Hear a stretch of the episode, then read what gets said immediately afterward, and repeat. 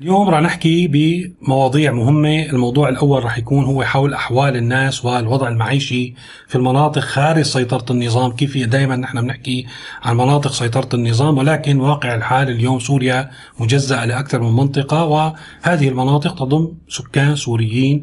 يعني يجب أن آه، تدريجيا نتناول أخبار هذه المناطق وما يحدث فيها إسوة بمناطق. النظام الأمر الثاني أو الموضوع الثاني اللي بدنا نحكي فيه هو لقاء مع وزير الأوقاف السوري آه، يبرر آه، يعني موضوع المرسوم الذي ألغى موقع مفتي الجمهورية وكانت يعني عبارة عن تبريرات غريبة عجيبة هلا بنشوفها آه، بالتفصيل. فإذا مرحبا وأهلا فيكم باستعراض أحداث اليوم الأربعاء واحد كانون الأول 2021 طبعا لازم نعرف قبل ما نحكي بشوية أخبار إنه سوريا بنرجع بنقول يعني هي تقريبا مقسمة لمناطق سيطرة النظام، مناطق سيطرة الإدارة الذاتية يلي هي عمليا واجهة المدنية ل آه، قوات سوريا الديمقراطية حزب الاتحاد الديمقراطي اللي هو فرع لحزب البي كي كي أو حزب عمال الكردستاني التركي آه، أيضا في عندنا مناطق الشمال حيوانيك في سلطين في سلطه التي تحكم إدلب وريف إدلب. آه، هي آه، هيئة تحرير الشام وواجهتها هي ما يعرف باسم الحكومة أو حكومة الأنقاذ، اذا حكومة الأنقاذ تابعة لهيئة تحرير الشام في المناطق الشمالية التي يعني يتواجد فيها فصائل معارضة مسلحة مرتبطة مع تركيا. محكومة مدنيا بين قوسين أو الواجهة المدنية لحكم هذه المناطق باعتبار عم نحكي عن أحوال الناس والوضع المعيشي هو الحكومة المؤقتة التابعة للائتلاف السوري وأيضا يعني ضمن هذه التصنيفات في تصنيفات فرعية ما راح نضيع وقتنا اليوم نضيع وقتكم بالكلام عليها ممكن نحكي عنها بتسجيل منفصل.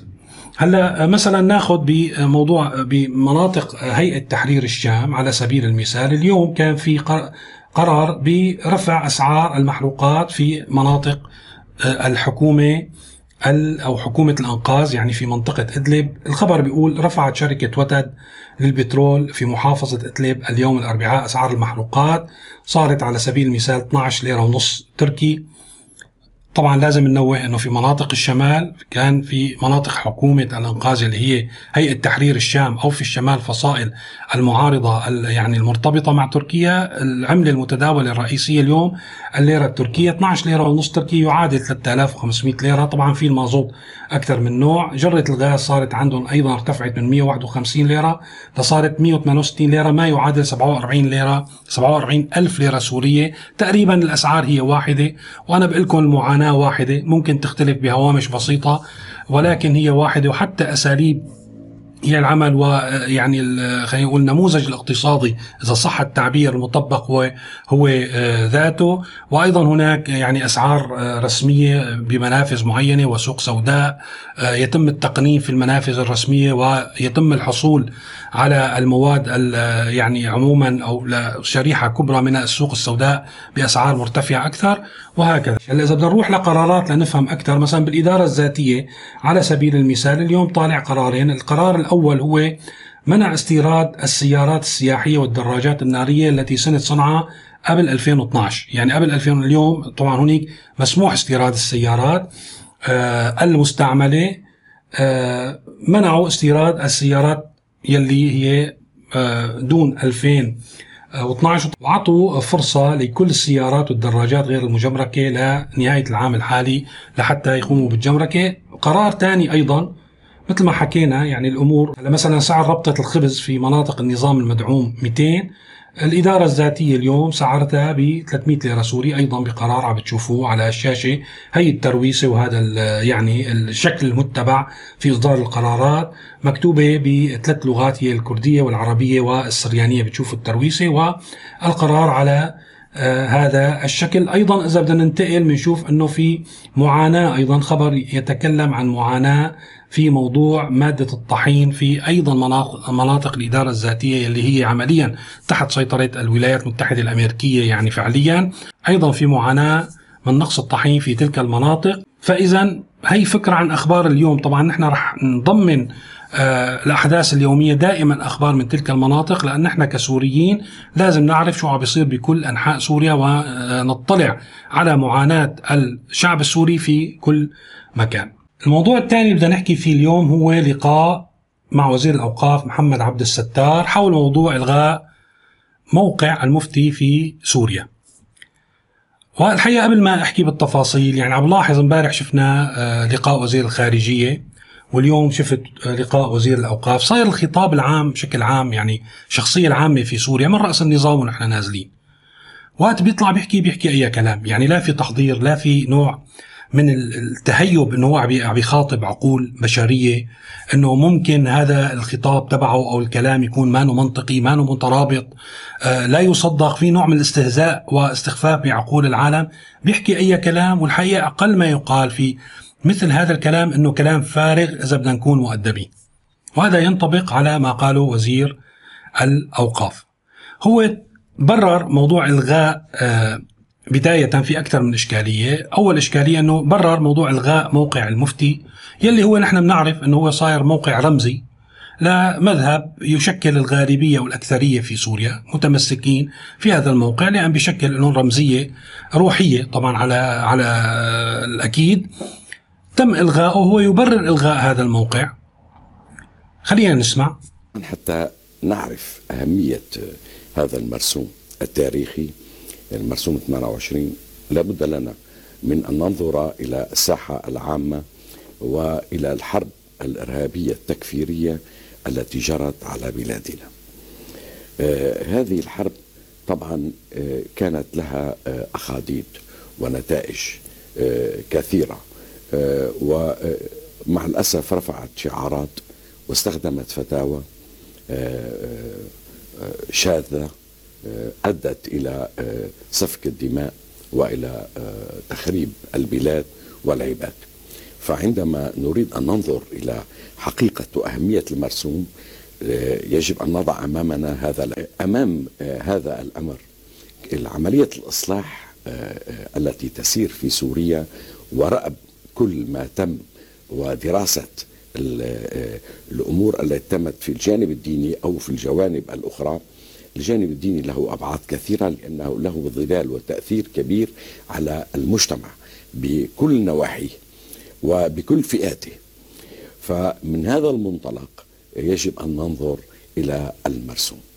دائما الفتاوى الشاذة والفتاوى التكفيرية الفتاوى الوهابية الفتاوى الإخوانية هي فتاوى فردية.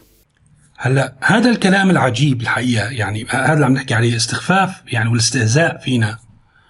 أنه هل المرسوم بإلغاء موقع المفتي هو لكل العالم للإخوان والوهابية وداعش والنصرة وكل من يعمل بهذا المبدأ أو تم راح يستمع أو راح ينفذ مرسوم الرئيس بشار الأسد؟ وننتهي موضوع الفتوى الفردية وينتهي الإرهاب والجريمة في العالم.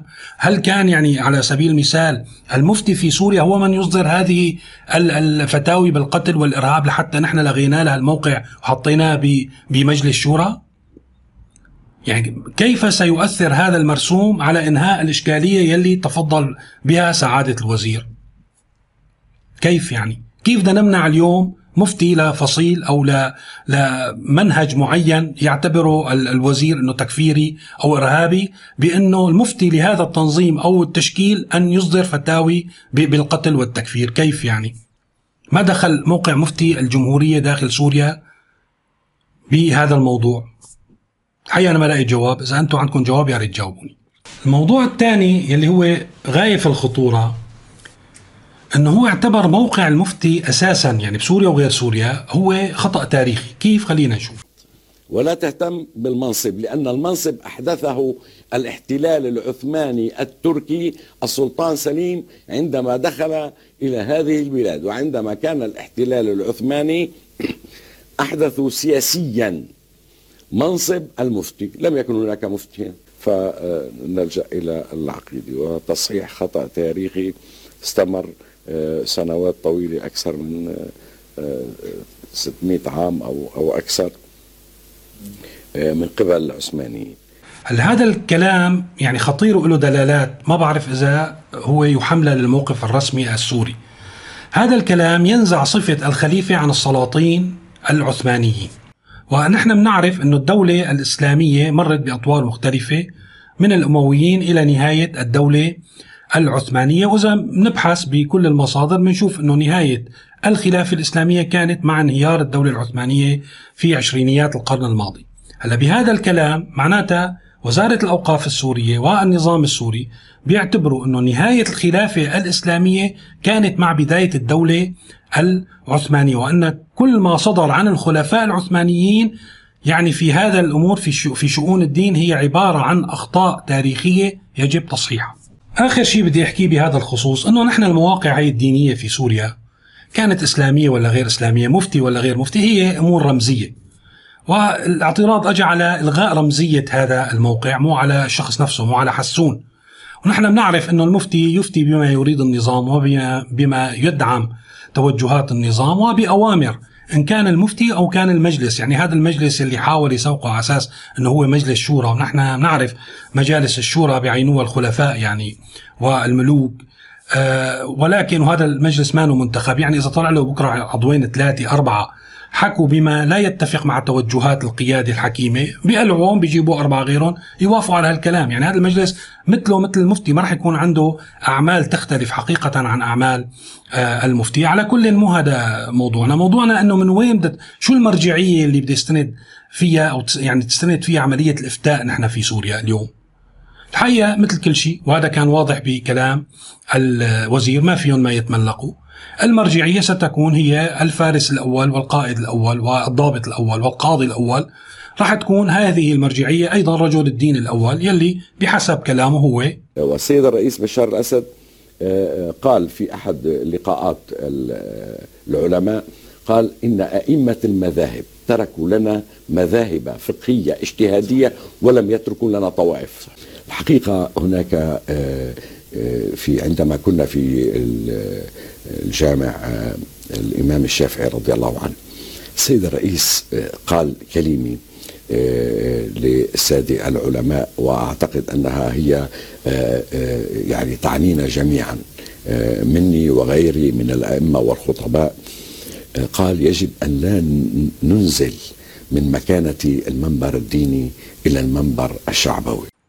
هذا كل شيء طبعا حكيت بأهم الأخبار اليوم يلي بده يتابع أخبار لحظة بلحظة أو تفاصيل أكثر عن ما حدث اليوم. ممكن يشوف موقع سيرة نيوز أو شبكات التواصل الاجتماعي المرتبطة فيه. رح أحط لكم رابط التليجرام في صندوق الوصف. شكرا لمتابعتكم وإلى اللقاء.